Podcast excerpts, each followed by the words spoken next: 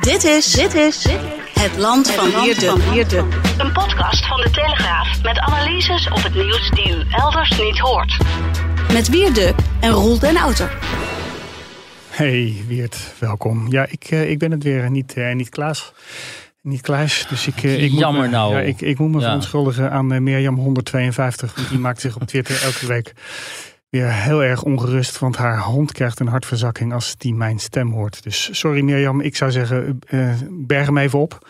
En uh, over een uurtje kan die weer, uh, kan die weer terugkomen. Roel, je kunt natuurlijk uh, ook gewoon even de kritiek van Mirjam 152 ter harte nemen. Ja, ik mag jou niet Wat heeft, waarom heeft zij een naam als, alsof ze in een koestal uh, staat trouwens? We gaan nou niet Mirjam 152 beledigen. Ik heb altijd goed contact met Mirjam 152. Dus vandaar, Ja. zij zegt het ook meer uit, uit zorg en medeleven dan dat ze nou dit nou uit... Zij vindt dat ik dominee wie het niet mag tegenspreken. Ja, dus, dat vind ik ook. daar, kan, daar kan jij het helemaal mee eens zijn. Hè? Zeker, Nou, ja. laten we dan maar snel, laten we dan maar snel doorgaan. uh. Ja. ja, we gaan het, uh, want dit was de week van uh, de lijsten, hè? En, ja, de politieke lijst inderdaad. Ja, de politieke lijst. Ja, en uh, er was nogal veel. Uh, ja, er was best veel over te doen natuurlijk. Dit, um, de lijst van omzicht waar iedereen natuurlijk naar, naar uitkeek. Hè. Nou, er staan allemaal professionals op. Uh, allemaal mensen gepokt en gemazeld mm. in bestuurlijk uh, Nederland. Dus eigenlijk, uh, dat was ook wel een beetje in de lijn der verwachting natuurlijk. Hè. En een aantal mensen is beloond. Hè. Zoals die dame die dan vanuit de Belastingdienst vooral zich ja. met die toeslagen over die toeslagenaffaire heeft bekommerd. Die rechter uit uh, Rotterdam komt zijn mening. Ja. Hè? Ja, daar was nogal wat over te doen, begreep ik, toen we haar wilden interviewen. Of... Ja, die wilde niet helemaal. Nou ja, laten we daar niet over gaan uitweiden, want het is door een collega gedaan, dat interview, Peter Winterman. Maar uh, ja, die mensen zijn natuurlijk nog niet gewend om, uh, om interviews te geven en met de pers uh, te praten. En een rechter die praat natuurlijk één richting, eh, richting Ja. verdachten en die vraagt eh, dingen aan verdachten. Ja. En die is niet zo gewend om, eh, denk ik, om kritisch eh, bevraagd te worden. Nou, één iemand uit de top 10 was dat wel, hè? Antjelle Soeboer, Ja. het grote Friese talent.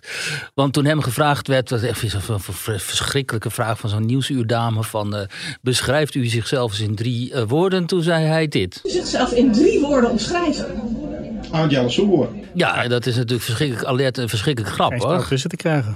Ja, en nu, nu kende ik Aantjelle al wel, want ik had hem in het verleden wel eens gesproken voor artikelen van mij. En hij is van de Friese, de Friese Nationale Partij, hè, dus uh, die, die, en die, die, die, gasten ken ik wel. Ja, en ik was die dag, uh, die middag was ik op een uh, borrel op het plein in, in Den Haag, diezelfde dag, waar de, de Friesen, zeg maar. Ik ben ook Fries, half. Ja. Uh, he, bijeenkwamen, de Friese, de Friese lobby. Dan lopen er dus allemaal Friesen rond uit de ambtenarij en uit de politiek. Sibrand Buma is daar dan. En Femke Wiersma, die, die nu gedeputeerde is in Friesland, uh, notabene, de BBB. Uh, bekend van BBB, maar ook van, meen ik, uh, Boer zoekt vrouw. En daar liep ook de baas van de, de Friese Nationale Partij rond. En die zei al tegen mij, je moet even goed opletten zometeen, want... Um, Aant Jelle staat op de lijst bij Pieter. Nou, dat, uh, en toen uh, zag ik hem. ja, en ik vind dat dus fantastisch, want hij heeft zo'n enorme baard. Ja. En hij is ook drummer in een nazi-band. Oh nee, het is Oh nee. geen nazi-band. Oh nee. Oh is het nou wel of niet een nazi-band? Ik spreek je niet graag tegen maar... ja, oh, oh, oh. Hij speelt Ja. dus in een folk metal band. Hè? En die werd meteen een partij geframed, zegt. Zo, zo, zo. En uh, ik ga bij- even, even opzoeken hoe die band ook alweer heet. Want dat is natuurlijk... Oh, die Balders Draumaar heet die. En die is bekend in die kringen. En als je dan die video's ziet, dat is helemaal lachen. Want dan zie je die Aantjelle dus op de drums. En hij kan heel goed drummen, hè, met enorme spierballen en die baard en zo. En dan denk je zo, dat is bijna Metallica dit. maar uw spriet is duidelijk. Vriezen binnen vrij. Als de Bij joop.nl, dat is de door ons betaalde frame-site en, en, en leugensite van de VARA. Ja, van de vragen. Uh, daar waren ze als een kippen bij om uh, Aantjelle Soeboer in de uh, hoek van het rechtsextremisme te duwen. Want oh, oh, hij speelt in een folk metal Ja, dan zou je wel nazi zijn, hè? Dan moet je natuurlijk nazi zijn. Want Ongelooflijk.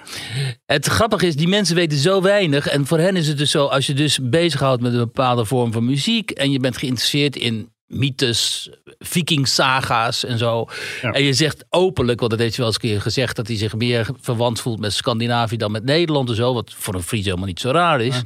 Hè? Dan, moet je, dan, dan ben je bijna ben je al Adolf Hitler. Hè? Nou, je ziet in ieder geval schurk je er erg tegenaan. En eh, dat gebeurde dus met hem ook. Dus er verscheen een, een, een echt een eh, hitpiece op dat Joop van Francisco van Jolo is dat. Hè? Van, eh, Die toch op elke week volgens mij bij de VARA gewoon BNN, nee hoe heet dat programma ook alweer? Nou, zo'n radioprogramma. De Nieuws BV. Ja. Daar duidt hij gewoon de politiek in Nederland. Hè? Ja. En, en die staat dat dan maar gewoon toe dat daar zo'n zo'n schandalig stuk verschijnt. En daar was natuurlijk van alles over te doen. Dus ik dacht gisteren van nou, ik bel, weet je wat, ik bel Aant Jelle ook even of hij bij ons in de podcast iets wil zeggen. En nou, daar had hij geen zin in, want eh, hij houdt de media op dit moment even af. Bij- Bij Omroep Friesland had hij wel het een en ander gezegd. Maar hij wilde wel even zeggen dat hij hiervan geschrokken was. En ehm, dat, dat dit toch wel heel heftig was. Hij zei van ja, dan sta je op zo'n mooie plek, zeven, en dan verheug je op eh, hè, aan de slag te gaan in Den Haag, want hij komt gewoon in de Tweede Kamer natuurlijk. Ja, en dan krijg je deze, dit soort shit over zich heen. Ja. En toen zei ik, ik van ja, welkom eh, in de echte wereld. Ja, ja, ben ook al tien jaar Ja. elke dag. En eh, dit ga je, ga je nog wel wat vaker zoals die meemaken. omschreven stond, denk je dat is een soort lonere natie in een dorpje ergens in Friesland. Maar die man is gewoon wethouder. Hij is gewoon wethouder. Hij zit al zes jaar in de Ja, hij politiek. zit al zes jaar in de politiek. Dus ze hadden bij Joop ook even kunnen vragen van, hoe- hè, hoe, het zouden gewoon kunnen bellen in- daar, in die omgeving om hem heen. Van, ja, hoe heeft hij het, hoe heeft hij het gedaan als raadslid en als wethouder? Maar nee, ze kiezen voor de vereniging. Maar hoopgevend moet ik z- vinden. Hoopgevend als zeggen moet ik, vond ik wel dat ehm, dit werd toch niet gepikt door heel veel mensen. Ook niet op links. Toen zag je allemaal van die progressieve Friesen, dus GroenLinks, maar ook D66. Die zeiden van, ja, allemaal duiden. Ja. dit kan niet. Nee. Weet je wel? Wij kennen die man, we mogen hem. Andere politieke eh, eh, bloedgroep. Maar eh, hem zo af te schilderen, dat kan natuurlijk Ja. niet. En ehm, kijk, dat vind ik dan wel weer mooi. Omdat dat eh, eh, is zeldzaam in Nederland. En want je zag bijvoorbeeld namelijk de usual suspects. Dus van die eh, blogger Peter Breedveld tot aan die, dat CDA, die CDA-denker eh, PG Kroeger. Tot nog wat van die mensen, die usual suspects die altijd op deze bandwagon springen. Ja. Die zag je alweer helemaal losgaan. Hè? Oh, een, een nazi Ja. op de lijst van Ja, omzicht. ze hadden heerlijk. Ze hadden iets ontdekt. Ja, nou niet eens zij. De, maar- de bloedhonden die, eh, die stonden al klaar. Ja. ja, dat is echt. En weet je waar dit nou vandaan kwam? Uiteindelijk. Dit kwam dus uit het kamp van B1. Nou, eh, eh, Oh. geef, daar, is, daar is natuurlijk geen enkele geloofwaardigheid daar. En die hadden dus een of andere nazi-muzieksite gevonden of zo.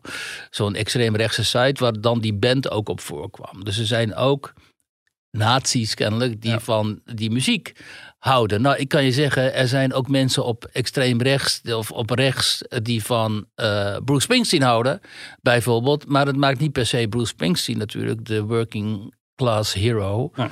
een eh, radicaal rechts eh, muzikant. Nee, jij bent ook een fan trouwens hè, van Bruce. Ja, mo- moet je wel zeggen, ik was in het verleden meer fan van Bruce dan tegenwoordig. Ook omdat ik een paar keer bij die concerten van hem geweest ben in de arena onder andere. En dat was zo'n galmbak. En Ja. ja. en ik ben niet zo, eh, maar ja, dat is allemaal heel erg, eh, eh, heel erg, hoe zeg maar, in-crowd. Ik ben niet zo, zo'n fan van zijn ritmesectie. Nee? Dus ja, die drummer die beukt mij veel te hard en zo. Die, ja, dus dat vind ik al.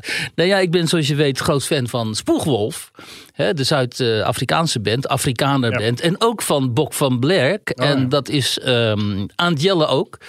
En ehm eh Aantjelle die kreeg, Zoetboer die kreeg dus ook het verwijt dat hij moet, wel extreem rechts moet zijn. Ja. Omdat hij dus van Bob van, Bok Ja. van Blerk houdt. En die heeft dat schitterende nummer Afrikaner hart. Daar hebben we een fragmentje van. Kom boerenkrijgers, wees nou helder. Die dag van rekenschap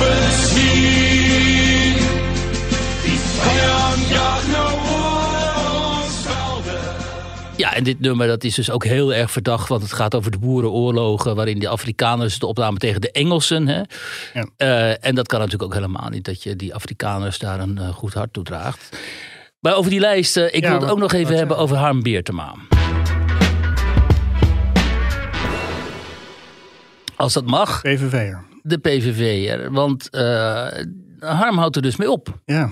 Hè, die is voor een tweede keer op een lage plek terechtgekomen bij de PVV. Terwijl hij vindt dat hij gewoon ontzettend zijn best doet. Hij is ook heel zichtbaar hè, met Bosma en Agema en nog één of twee anderen, denk ik.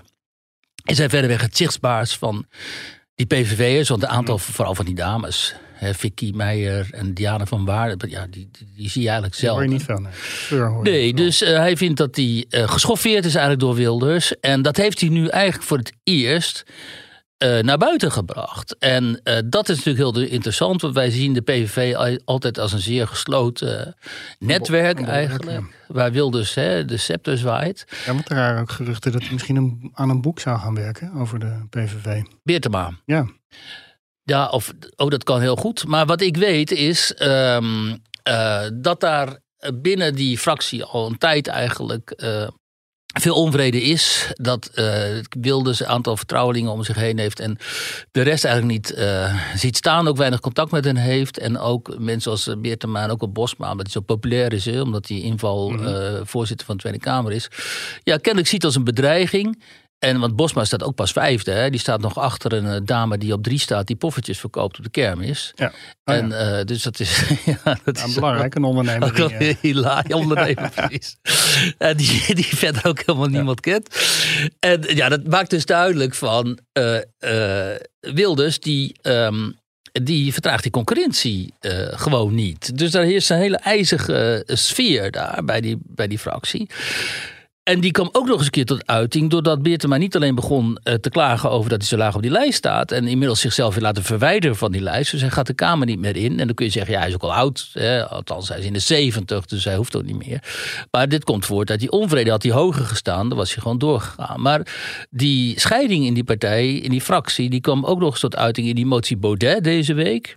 Ja, Waarin Baudet zegt: luister, dus moet afgelopen zijn met het eh, ver- ver- eh, verschaffen van hormoonblokkers en andere ellende aan kleine kinderen die, eh, aan kinderen die denken dat zij van geslacht moeten veranderen. Dus dat, dat willen we niet. En Beertema vindt dat ook, want die loopt al heel lang ook. eh, eh, in het, is- komt hij al in het geweer tegen deze praktijken. Waar ik het helemaal mee eens ben, overigens. Eh, alleen Fleur Aangemaat, die, eh, de woordvoerder zorg, die denkt er anders over. Ja. En die eh, was er dus kennelijk verontwaardigd over dat ja, die, zit Beertema... op de, die zit op de woke-terrein, eh, volgens de critici binnen de PVV, toch? Ja, nou ja, in ieder geval steunt zij die motie sowieso niet. En vindt ze kennelijk ook dat het eh, toch mogelijk moet zijn om dat soort eh, medicijnen of medicatie of hoe noemen we dat, eh, ingrepen mogelijk te maken bij jongere kinderen.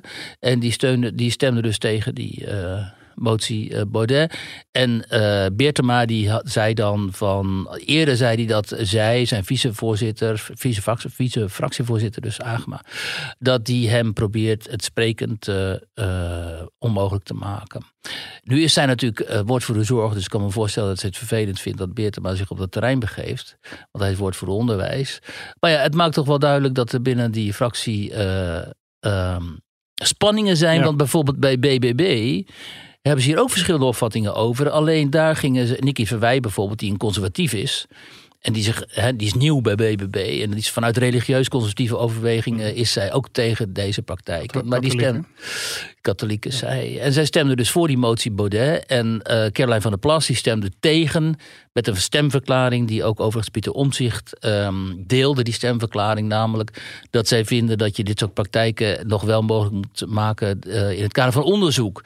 En PVV had natuurlijk die motie zo opgesteld dat het volstrekt onmogelijk zou worden. Dus het PVV of FVD bedoel ik, Forum voor Democratie, die maken een cultuurdingetje van eigenlijk. Hè. Wij willen niet zo'n cultuur waarin dit mogelijk is. En eh, Caroline van der Plas die kijkt er dan nuchter naar en die, kijkt het, die ziet dat veel meer als een medisch, eh, ethisch eh, ding. Ja. Denk, denk ik, althans zo interpreteer ik dat. Eh, dus je kunt van mening verschillen binnen een partij als je op medisch-ethische kwesties zonder over straat te rollen. Ja. Maar bij de PVV gingen ze Ja, even het over er, is- wel wat meer oneenigheid. Misschien binnen de PVV, want echt officieel weten we dat nog steeds niet. Maar toch staan ze in de peilingen, gaan ze als een komeet omhoog. Hè? Een aantal zetels omhoog. Ja, dat is toch wel opvallend, omdat eh, inderdaad, omdat, maar de meeste mensen weten waarschijnlijk niet dat eh, Wilders nogal geïsoleerd staat binnen die fractie en, en dat er dus die spanningen bestaan binnen die partij. Eh, en hij schiet inderdaad als een komeet omhoog, omdat hij bij die, eh, die, die APB heeft het natuurlijk heel goed gedaan, als die beter. Ja, En het begon met dat interview bij de Telegraaf natuurlijk. Waarin die zei dat hij wat mildere standpunten zou gaan innemen om misschien mee te kunnen eh, regeren. Ja, en dat speelt een rol. Maar ik denk ook dat veel mensen toch wel die van plan waren om op de partijen zoals de boeren of op omzicht ook te stemmen. dat die toch weer een vluchtheuvel zoeken bij de PVV om allerlei redenen. Omdat ze inderdaad misschien denken, nu hè, Dylan Jesselgus heeft die opening gedaan, dus misschien kan Wilders meeregeren. Vervolgens gaat Wil, Wilders weer zo het zo raar doen eh, met die lijst en zo. Dat ik denk, wil hij nou wel of niet regeren? Oké, maar goed, dat is zijn zaak. En omdat zij zien dat bij eh Omtzigt bijvoorbeeld eh, mensen op de rij staan. En dan moet je niet vergeten hoe belangrijk het is voor de mensen van dit type electoraat. Hè, wat zich een beetje op rechts daar bevindt, centrum rechts, nog rechtser. Hoe belangrijk dat is voor hen na de coronacrisis. Dat bij Omtzigt staan mensen als Rosanna uh, Hertzberger op de lijst. En nog een, een dame die zich tijdens corona heel nadrukkelijk hebben uitgesproken. Voor vaccinatie, voor isoleren van hè, de wappies zoals zij die noemde en zo. Ja, zou de grote groepen dat echt weten? Ja. Maar Hertzberg is natuurlijk wel een soort in-crowd. eh, over Hetsberger doen nu allerlei verhalen eh, op de sociale media de ronde. Juist over haar optreden destijds tijdens de coronacrisis. En al die mensen die, eh, of al die mensen, maar heel veel van die mensen die zich op dat eh, deel van het electoraat bevinden. Die lezen die socials, die zien die sociale media. En die weten heel goed wat Rosanna Hetsberg destijds beweerd heeft. Ook omdat ze ook nog eens een keer jaren daarvoor eh, probeerde om samen met anderen. in een pagina grote advertentie in de uh, Volkskrant de NSC. Geen, geen stijl te cancelen. En je moet ook niet onderschatten dat geen stijl. dat was zij, ja. Ja, je moet ook niet onderschatten dat geen stijl, hoewel een, eh, een margeblog genaamd, in die kringen gewoon heel veel, heel, heel goed wordt gelezen. Hè? Dat is een beetje de vandaag insight op, op papier, zeg maar. Ehm, dat die mensen zich heel goed herinneren dat destijds werd geprobeerd om eh, censuur door te voeren, om adverteerders weg te krijgen bij geen stijl, zodat eh, geen stijl ehm, eh, zou worden gecanceld. En dat is natuurlijk geen eh, pre als je dat met je meedraagt. Kijk, ik heb tijdens de coronacrisis ook ontzettend veel kritiek gekregen en gezeik, omdat ik vond dat mensen zich zouden moeten laten vaccineren. Want daar geloof ik in, hè, dat die vaccins ook wel geholpen hebben en zo. Ik hoopte destijds dat ze iets meer zouden helpen dan dat ze uiteindelijk hebben geholpen. Maar goed, maar ik heb nooit gezegd, je, je moet je laten eh, vaccineren en mensen moeten zich eh, moeten worden uitgesloten van de samenleving. Omdat ik ook gewoon contact had in die kringen en zag. Ik bedoel, ik, eh, ik had destijds veel contact nog altijd met Jenny Douwes bijvoorbeeld. En die, weet je wel, die moest. ehm, haar kinderen, als, die dan naar, als kinderen uit hun groep dan naar zwemles gingen en zo, die moesten zich dan buiten omkleden, weet je wel. Dat soort onzin. En daarvan begreep ik natuurlijk ook wel, ja, dit- maar dit, dit is gewoon, dit kan niet, het is discriminatie. Hè? En dan moet je het ene tegen het andere afwegen. Het lijkt alweer eeuwen geleden trouwens. hè. Voor die mensen niet. Dat is voor ons inderdaad. Ik denk ook vaak van, joh, het loopt niet zo te zeiken nog steeds over die corona en zo. Ik krijg nog altijd mensen eh, in mijn eh TL op Twitter die ontzettend hekel aan mij hebben, omdat ik destijds heb gezegd. Laat je nou vaccineren. Hè? En wees geen freerider, noemde ik dat destijds. Ja. Hè? Eh, en nou, die mensen die haten me. Ja, De viaduct die zit helemaal in de zak van Hugo de Jonge. Zo. Nog altijd, weet je. Ja, onze dus, vriendin eh, Marianne Zwageman is ook nog steeds bezig om de onderste steen boven te krijgen. Hè, voor de bijwerkingen en over van het vaccin. ja, en nu is er... Hè, Ik vind, ik vind het wel goed dat ze blijft vasthouden. Want er moeten toch sommige mensen zijn die blijven vasthouden. Want het moet toch uiteindelijk een keer bekend worden wat er nou precies gebeurd is. En Nou, ik vind ook, ook de relatie tot de oversterfte en zo, dat moet gewoon eh, opgehelderd worden. Ja, en die mensen moeten niet tapijt. gecanceld worden. nee, maar dat dreigt nu allemaal onder het tapijt geveegd te worden. Ja, of, of de, de interesse ervoor verflauwt. Hè, en mensen denken van ja, het zal wel, dat, eh, het zal mijn tijd wel duren verder. Eh, maar inderdaad, dat, dat is goed natuurlijk. En ook de manier waarop dat destijds allemaal tot- stand is gekomen en zo. Eh, maar de- om te blijven hangen in die, sfeer, in die sfeer van ver- verwijten en zo is natuurlijk volstrekt zinloos. Ja.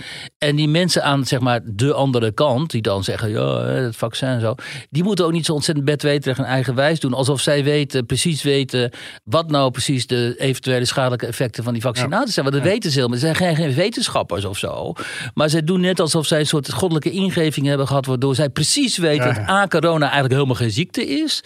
En dat het een, hè, dat Klaus Schwab, die overigens deze Ja. week in Nederland was, dat die het allemaal heeft bedacht. En die vaccinaties zijn eigenlijk een dodensprikken, weet je wel. Ja, dat- weet je, rot op. Hè. Weet jij er nou van? Ja, dat wil ik net gaan zeggen. Ja. Want de- de man met alle antwoorden is natuurlijk Klaus Schwab. Alle Nou, dat is zeker eh, zo.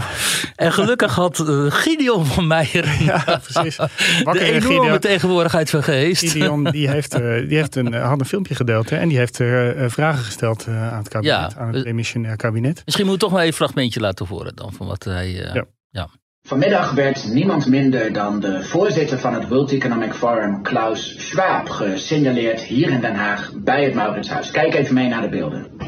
Nou, dat is toch ook wat? Zwaap is dat toch?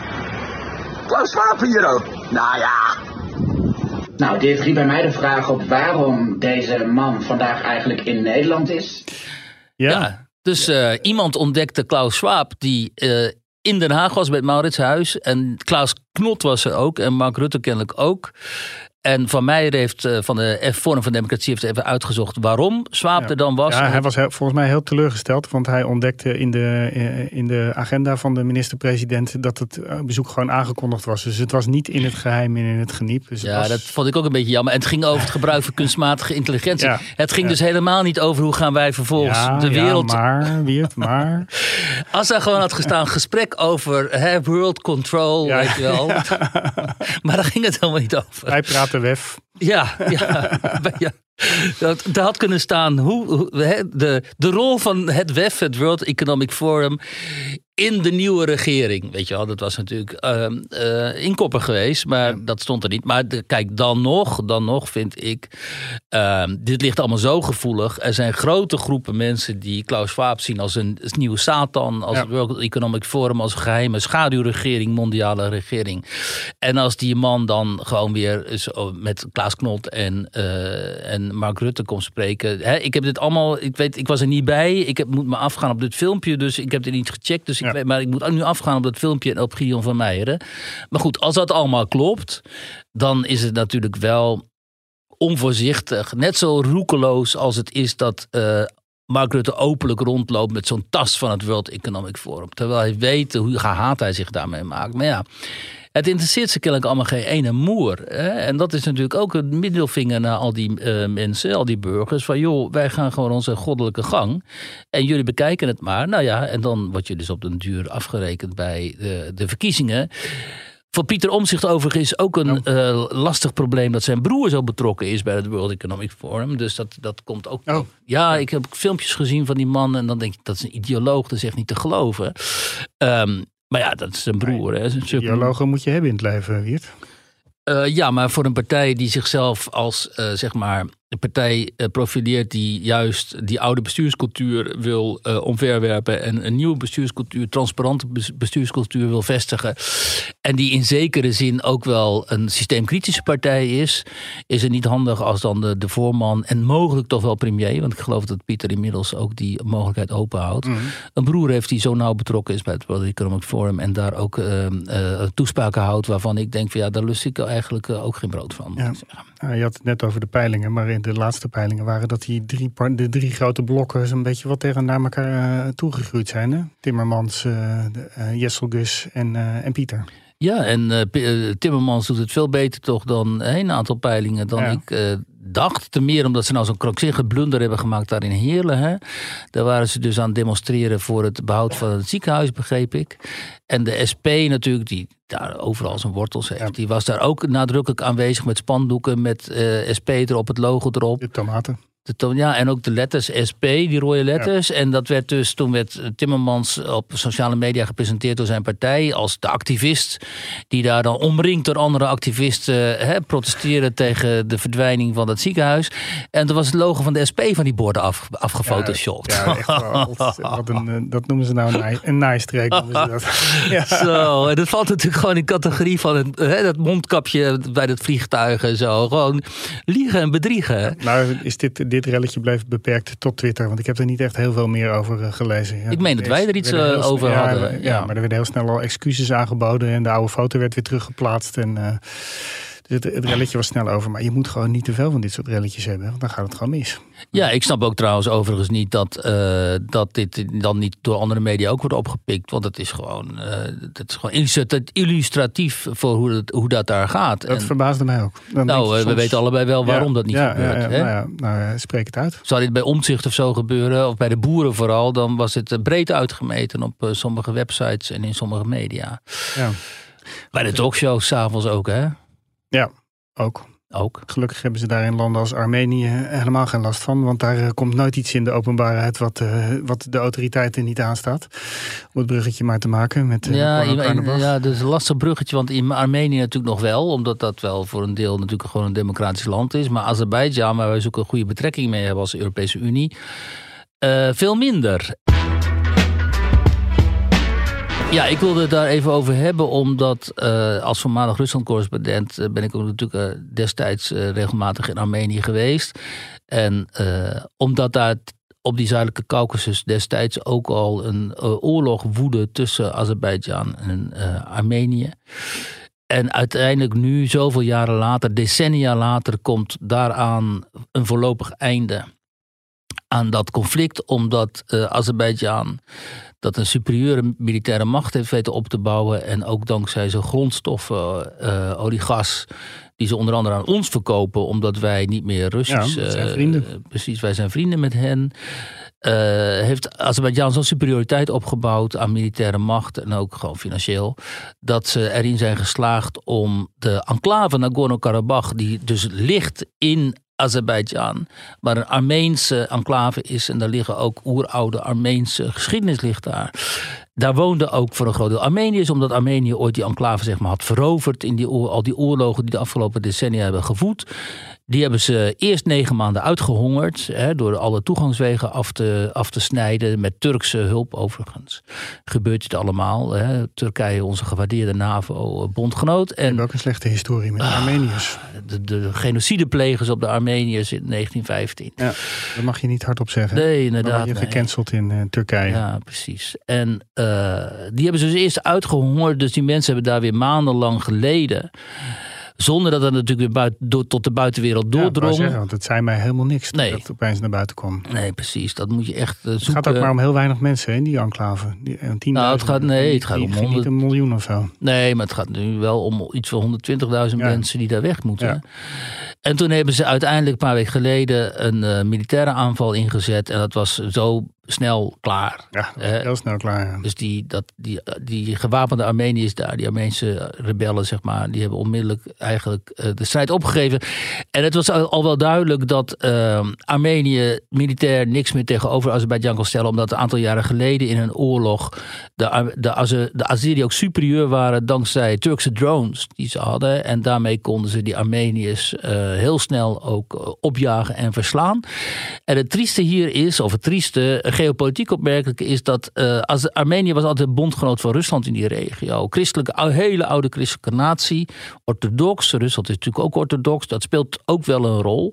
Eh Aze- eh, Azerbeidzjan is eh, islamitisch, heeft islamitische bondgenoten, weet je wel, in... ehm, in Turkije onder andere. Maar ook Israël is een bondgenoot. Wat weer heel pijnlijk is eigenlijk. Voor, wat zeg je? Een, een bondgenoot van wie? Voor Azerbeidzjan. Ja, want het is Dus- bijna niet meer eh, bij te houden wie het nou met wie allemaal eh, be- bevriend is. Nee, maar de, de, eh, de, het is best wel. de- een, kijk, Israël is natuurlijk puur cynisch en. praktisch, eh, pragmatisch. pragmatisch in het kiezen van bondgenoten. En Israël heeft ook eh, do- de, eh, grond, hoe heet het, eh, olie gas nodig en zo. En, eh, en waarom zou je, kijk, en dat is, dat is de tragiek van eh, Armenië. Waarom zou je Armenië helpen? Armenië heeft niks. Die heeft stenen en een oeroude geschiedenis, een oude kerk en, en, en, en wat van die beelden en zo.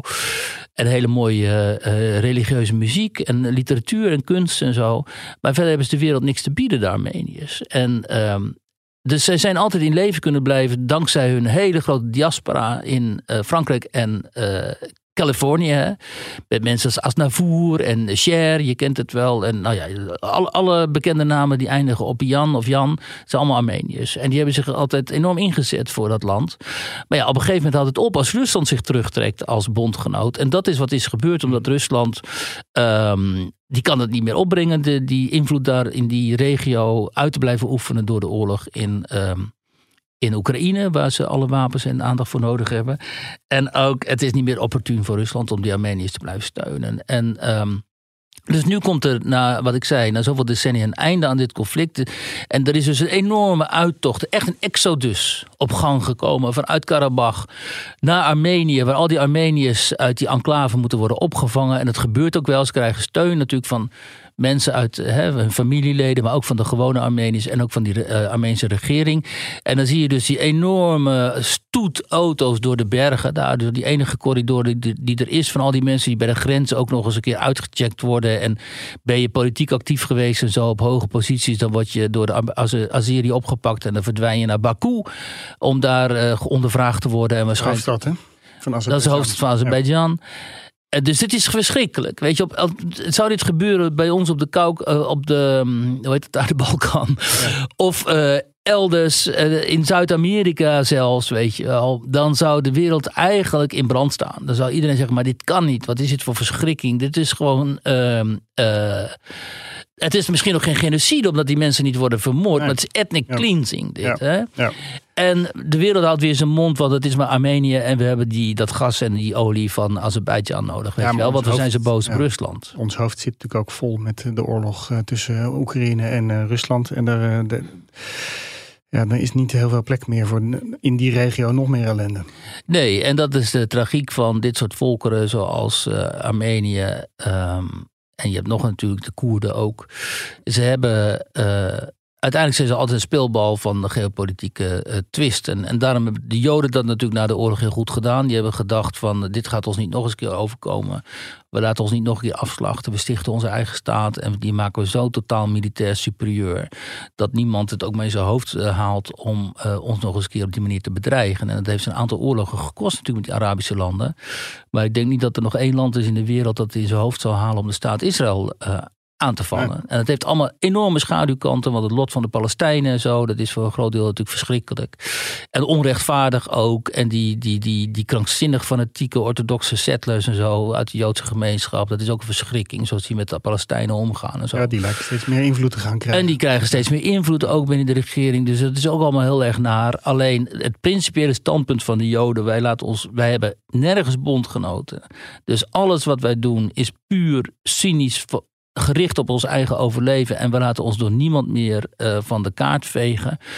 Ja, dat is het enige wat zo'n volk uh, kan doen, denk ik. En, uh, maar de Armeniërs hebben daar natuurlijk gewoon de mogelijkheid niet toe. Want die zitten omringd, omringd daar ook, net zoals Israël ja. is, door, door vijandige staten eigenlijk. En daarom, Iran heb je daar ook nog in de buurt. En daarom, wie het kijken er een heleboel mensen naar BNB voor liefde. Want dan heb je, heb je eindelijk die ellende niet even aan te zien.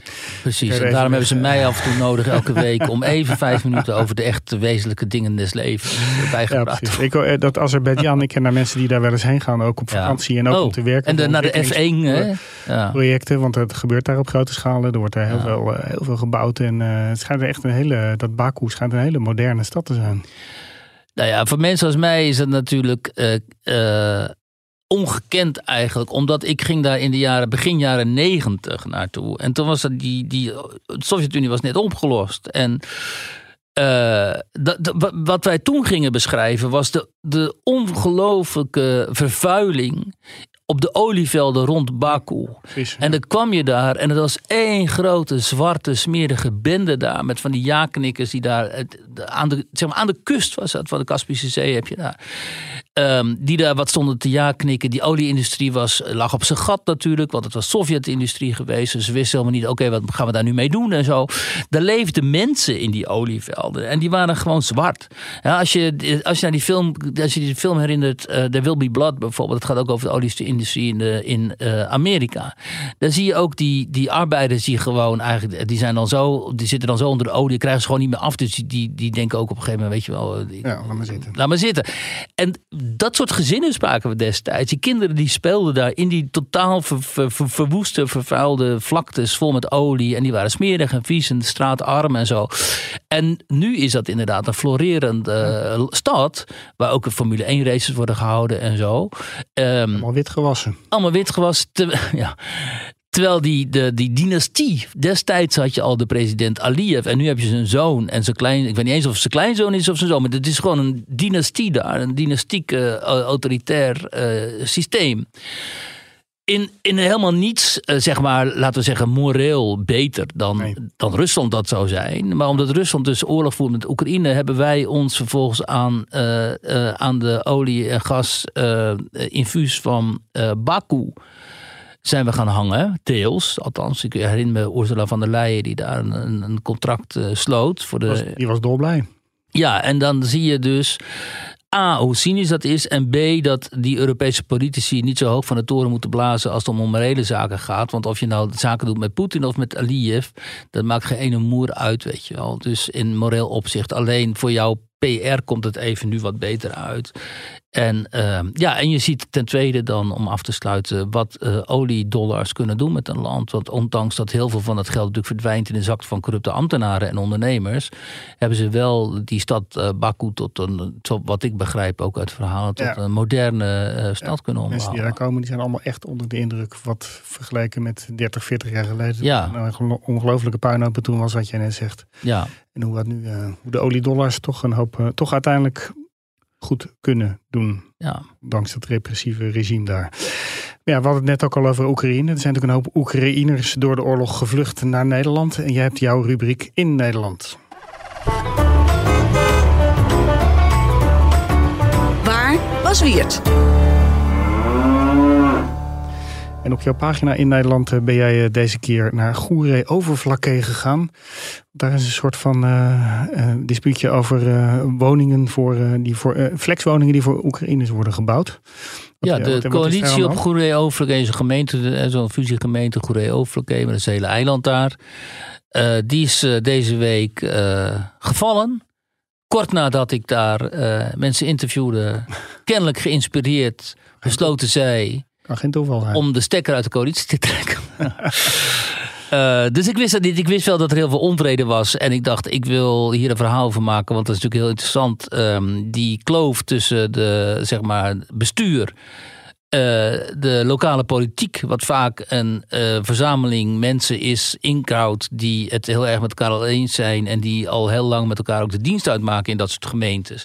En vaak zwakke gemeenteraden waar vrijwilligers zitten die hè, heel erg afhankelijk zijn van de informatie die ze vanuit het college krijgen. Eh, dat wilde ik beschrijven en dat deed in deze gemeente vooral was het heel erg eh, urgent opeens omdat met de, de voorgenomen bouw van 111 flexwoningen voor Oekraïners, 300 Oekraïners, daar eh, het, de situatie heel erg werd verscherpt.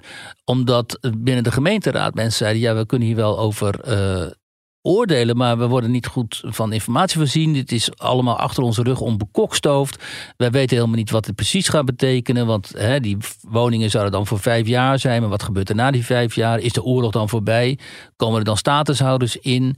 Krijgen onze mensen die huizen zoeken, onze jongeren, krijgen die überhaupt de kans en zo? En dat werd, was hen allemaal niet duidelijk gemaakt. En bovendien vonden ze ook dat de gemeente, het college hen, de burgers en de raad helemaal niet hadden meegenomen in dit hele traject. En het interessante was nu dat Aad van Alfen daar in de raad zit voor de, eh, met de grote partij, zevenmansfractie, voor een lokale partij. En eh Aad is al 77 en die zit in die coalitie. Zijn partij zat in die coalitie en hij besloot om de stekker eruit te trekken, omdat hij het niet meer over zijn hart kon krijgen. Hij kon het voor zichzelf niet meer rechtvaardigen.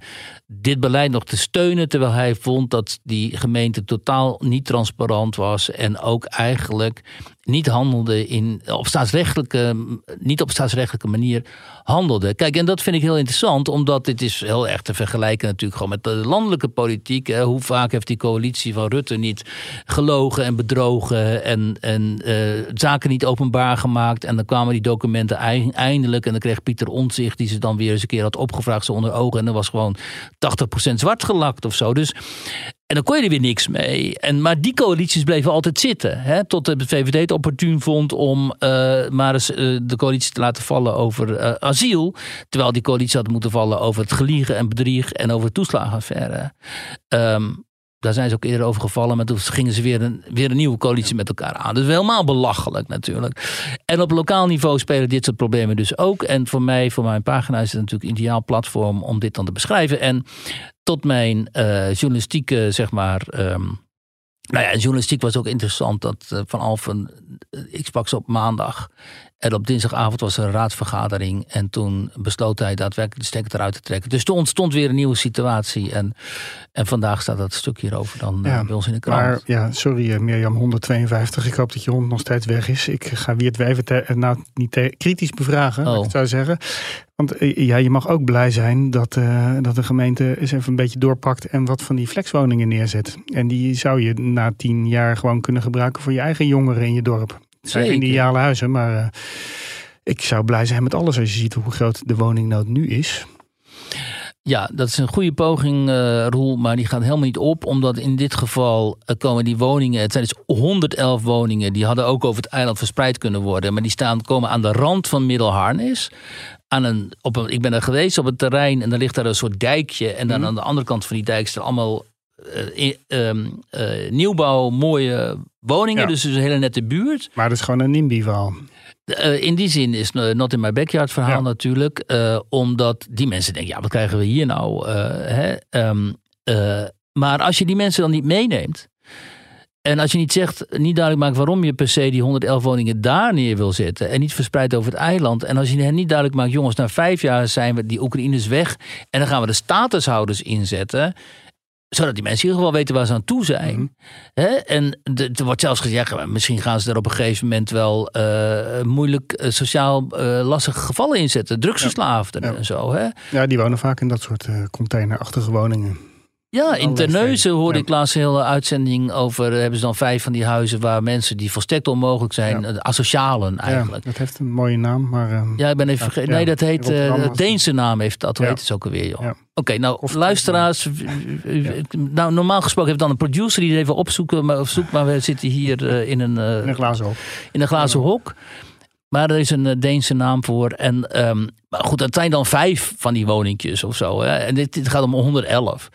Het, ik begrijp Ja, heel is goed. wel- Het is wel een aantal voor zo'n klein, kleine gemeente. Het is een kleine gemeente, Ja. klein. eh, eh, en weet je, en vlakbij het centrum, nou, je hebt een schitterend cent- centrumpje daar. Met een mooi haventje en zo. En Ik ken ja, het helemaal niet, maar jij Ja, het is, veel mooier dan je- landsbreken voor Go- Goeree. Eh, nou, voor Middelharnis. Ja, sorry, maar... God, wat erg. Ja, dit Sorry, is dus. Het komt in. eh, het komt in. Ja, ondertussen, ik zit een beetje. Want ik vind natuurlijk de, de, de ASO. Oh ja, Skevenhuis heet dat, hè? Skev- Skevenhuis, ASO. Ja. Ja. Ja. Maar goed, dat is dit dus niet. Hè. Dit zijn flexwoningen voor eh Oekraïners. En ehm, nou ja, ik begrijp heel goed dat zo'n lokale gemeenschap. dat je die daar in moet meenemen. En dat vertelde ook iemand. ehm, Ellen van de VVD-raadslid. Die zei luister eens, in andere gemeentes is het wel goed gegaan. Dus gewoon in overleg met de gemeenteraad en met de burgers is het allemaal besloten. Er is heel snel besluitvorming geweest. Die mensen zijn transparant, zijn die geïnformeerd. Het is allemaal goed gegaan en nu staan ze ongeveer die woningen hier al. Ja, en nu heeft de gemeente daar een proces eh, verloren. Voorzieningenrechter heeft gezegd van ja, eh, dit is een stedelijk ontwikkelingsproject en dat, daar heb ik geen vergunning, daar is geen vergunning voor. Dus je moet opnieuw procedure starten, nieuwe vergunning aanvragen. Dus het gaat allemaal nog heel erg lang duren. Dan gaan die omwonenden weer natuurlijk in beroep. Uiteindelijk eindigt dit bij de Raad van State, Ja. zul je zien. In die tijd is die oorlog wel afgelopen, denk ik. Dan is die oorlog wa- waarschijnlijk hopelijk afgelopen. Maar ondertussen is die coalitie erover gevallen. Althans, Ja. eh, die lokale partij heeft zich teruggetrokken. En ongetwijfeld Ja, gaat de ChristenUnie nu spalten in inspringen. dat dorp, ja. En er is een soort van bestuurlijk, burgerlijke sp- tweespalt in die Ja. gemeente. ja. Oké, het is toch op Goeree-overvlakke. Op Goeree-overvlakke, ja. Het is. Middelharnis op Goeree-overvlakke. heeft, Absoluut. Ik weer allemaal boze reacties ga krijgen. En in Goeree, denk ik, als je het over de plaats zet. ja, het is ook op, op Urk, hè? Ja, het is, ja oh ja. Ja. Weer tot slot gaan we het eh, nog hebben over Trudeau, de Ja. Canadese eh eh, goeroe en een voorbeeld. Ik dacht al. Ja. Voorbeeld voor wie? ja, voor een hele hoop mensen, Nou. sociaaldemocraten, Voor jou. eh, voor, voor progressieve mensen in de, in de, in de westerse wereld. Ja. Die, vinden, die zijn allemaal eh, een groot fan van Trudeau. Icoon van, West, icoon van westers progressivisme. Ja. Precies. maar ja, er is een, eh, een grote rel uitgebroken. Hè? Want eh, er is wat, eh, wat misgegaan bij een, een bijeenkomst in het parlement in Canada. Ja, daar was Zelensky op bezoek en ze hadden de, de, de intelligentie gehad om daar een hoog, hoogbejaarde, namelijk iets van 95, 98-jarige veteraan uit te nodigen die ook tegen de Russen had gevochten. Dus ze dachten daar, oh, omdat alles wat tegenwoordig dat tegen de Russen is en te- ooit tegen de Russen heeft gevochten, applaus verdient, nodigen wij deze man, Hoesak, die nodigen uit naar het eh, parlement. En dan kunnen we hem daar toejuichen en, eh, en, en, en vertellen hoe dankbaar wij zijn dat hij het ooit de wapens tegen de Russen heeft opgevocht, eh, opgenomen. Maar ja, wie schetst nu onze verbazing? Ja, helemaal niet van mij trouwens, maar wel van allerlei anderen. Dat deze meneer in het ehm Waffen-SS-divisie, de Galicische divisie had gevochten. Ja, dat moet je even uitleggen hè, hoe dat komt. Ja, nou, dat, eh, dat is niet zo moeilijk uit te leggen. De Oekraïense nationalisten destijds, eh, in de, tijdens de Tweede Wereldoorlog, die eh, zagen hun kans rijp toen Duitsland, eh Nazi-Duitsland en de Sovjet-Unie met elkaar in conflict raakten. Die zagen hun kans rijp om eh, eventueel een onafhankelijk Oekraïne hier uit de, uit de strijd, uit, uit het vuur te slepen. En die organiseerden zich en die kozen partij voor de nazi's. In de hoop dat als zij dan de strijd tegen de Sovjet-Unie zouden winnen, dat zij dan eh, een onafhankelijk, in ruil daarvoor een onafhankelijke Ja, Oekraïne zouden En dan kunnen ook nog krijgen. bij de SS, hè? Nou, letterlijk bij de SS, maar je hebt dus, ehm, eh, je hebt dus grote Oekraïense eenheden die destijds eh, samen met de, de Duitsers vochten, maar ook eigenstandig gruwelen pleegden. Bijvoorbeeld eh, vele tienduizend Joden zijn door hen vermoord en ook eh, heel erg veel Polen. En een van de aanvoerders van die bendes, dat was die Stepan Bandera, die overigens ook alweer door de nazi's is opgepakt. En toen is hij in, in Duitse gevangenschap geraakt en zo. Maar daarna is vervolgens is ook weer teruggekeerd. Dat is dus een hoogst problematische historische eh, figuur. Vooral vanwege zijn moorden, eh, georganiseerde moorden op zulke grote groepen eh, burgers. Maar even voor de duidelijkheid, dat zijn dus Oekraïners die zijn meegetrokken, opgetrokken met die Duitsers richting eh, Leningrad. Nee, die hebben, ja, of, of ze hebben gewoon. Maar die moorden op, hebben ze op gepleegd. Oekraïnse bodem. Op Oekraïnse bodem oh. hebben zij die misdaden gepleegd. Of ook is dat allemaal een Russisch gebied geweest? Nee, dit is natuurlijk Oekraïns-Pools gebied. Hè, dit hele gebied was natuurlijk omstreden. En eh, delen van Polen, dat, die werden gewoon bevo be- bevolkt door Polen. eh, Delen van Oekraïne, wat toen Oekraïne was, de Oekraïnse Sovjet-Republiek. Republiek, ja. Die, eh, die waren, daar woonden gewoon Polen. En er wonen natuurlijk overal over dat gebied verspreid eh, Joden. En die Oekraïners lieten zich inzetten om die eh, Joden, om genocide te plegen op de Joden. En, maar dus ook op de Polen, want er lagen allerlei Pools nog historische gevoeligheden tussen die bevolkingsgroepen. Ehm, en die nazi's die vonden dat prima. Ehm, vergeet ook niet dat heel veel Oekraïners in de concentratiekampen hè, als capo's eh, behoorlijk eh, hebben huisgehouden. Ja. Dus er ligt een hele zware historische schuld bij Oekraïne. Dat kun je niet anders zien.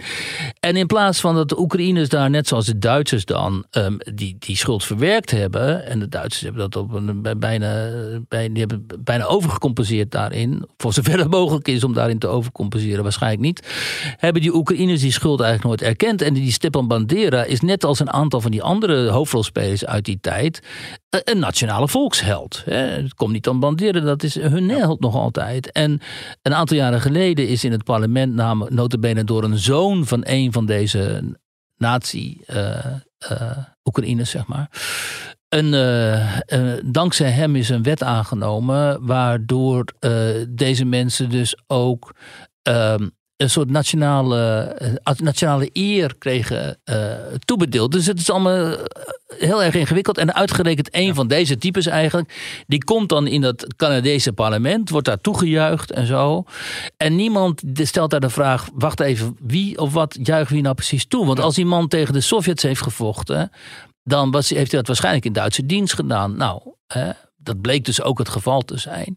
Dus toen Ja, dat had moest je eigenlijk al zo kunnen bedenken. ja, dat kun je natuurlijk. Als een beetje iets van die regio en die geschiedenis weet, dan denk je: wacht even, laten we dit even checken. Want dat moet haast wel dat hij in dienst van die Oekraïnse nationalisten heeft gevochten.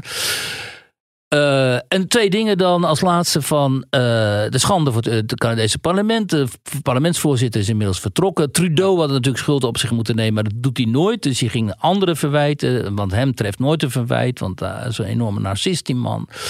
En eh, nu hebben de Polen, meen ik, gevraagd alsnog om de uitlevering van deze man uit Canada, terwijl hij bijna 100 is.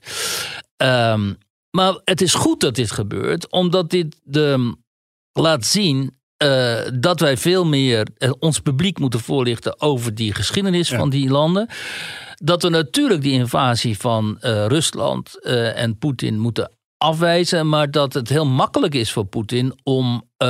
om op basis van deze geschiedenis dat nazisme verwijt te maken. Helemaal als je ook nog eens een keer jouw nationale helden laat staan, zeg maar, blijft eren terwijl die een geschiedenis hebben in dat uh, nazisme. En wij moeten ons in Nederland heel goed uh, realiseren dat wat wij steunen in de Oekraïne is zijn niet democratische groepen. Dat is hardcore Oekraïns nationalisme. En dat is prima, hè? prima. Mm. Eh, Oekraïne heeft het recht, een soeverein land te zijn, heeft ook het recht, voor, voor mijn part, net zoals Hongarije en zo, dat hebben om een hele rechtse nationalistische regering te kiezen. Maar wij moeten niet doen alsof wij daar in Oekraïne een soort van Oekraïns D66 of GroenLinks aan het steunen zijn. Weet je wel. Wat wij daar steunen is rechtser dan de PVV. Ja. Heel simpel. En, uh, dus dat moeten mensen zich heel goed uh, waar de EU, realiseren. Waar de EU altijd staat te juichen en van der Leyen elke keer wordt onthaald. Dat is eigenlijk gewoon. Dat is hardcore Oekraïns nationalisme. Eh, en in zijn mentaliteit en in zijn denken over wat Oekraïne moet zijn als natiestaat. En, en voor een heel groot deel ook etno-nationalistisch.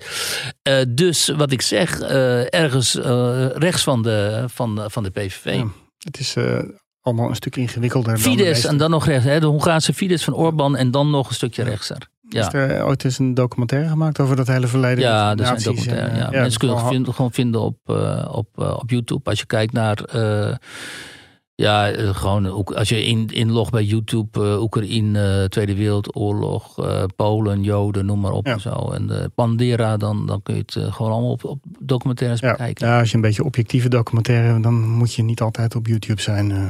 Je, nee, er zijn gewoon goede films over gemaakt. Je wordt zo dat Vossenhol ingetrokken dat, daar, moeten mensen, daar moeten mensen altijd naar mij blijven luisteren. Jou en jouw eigen rol.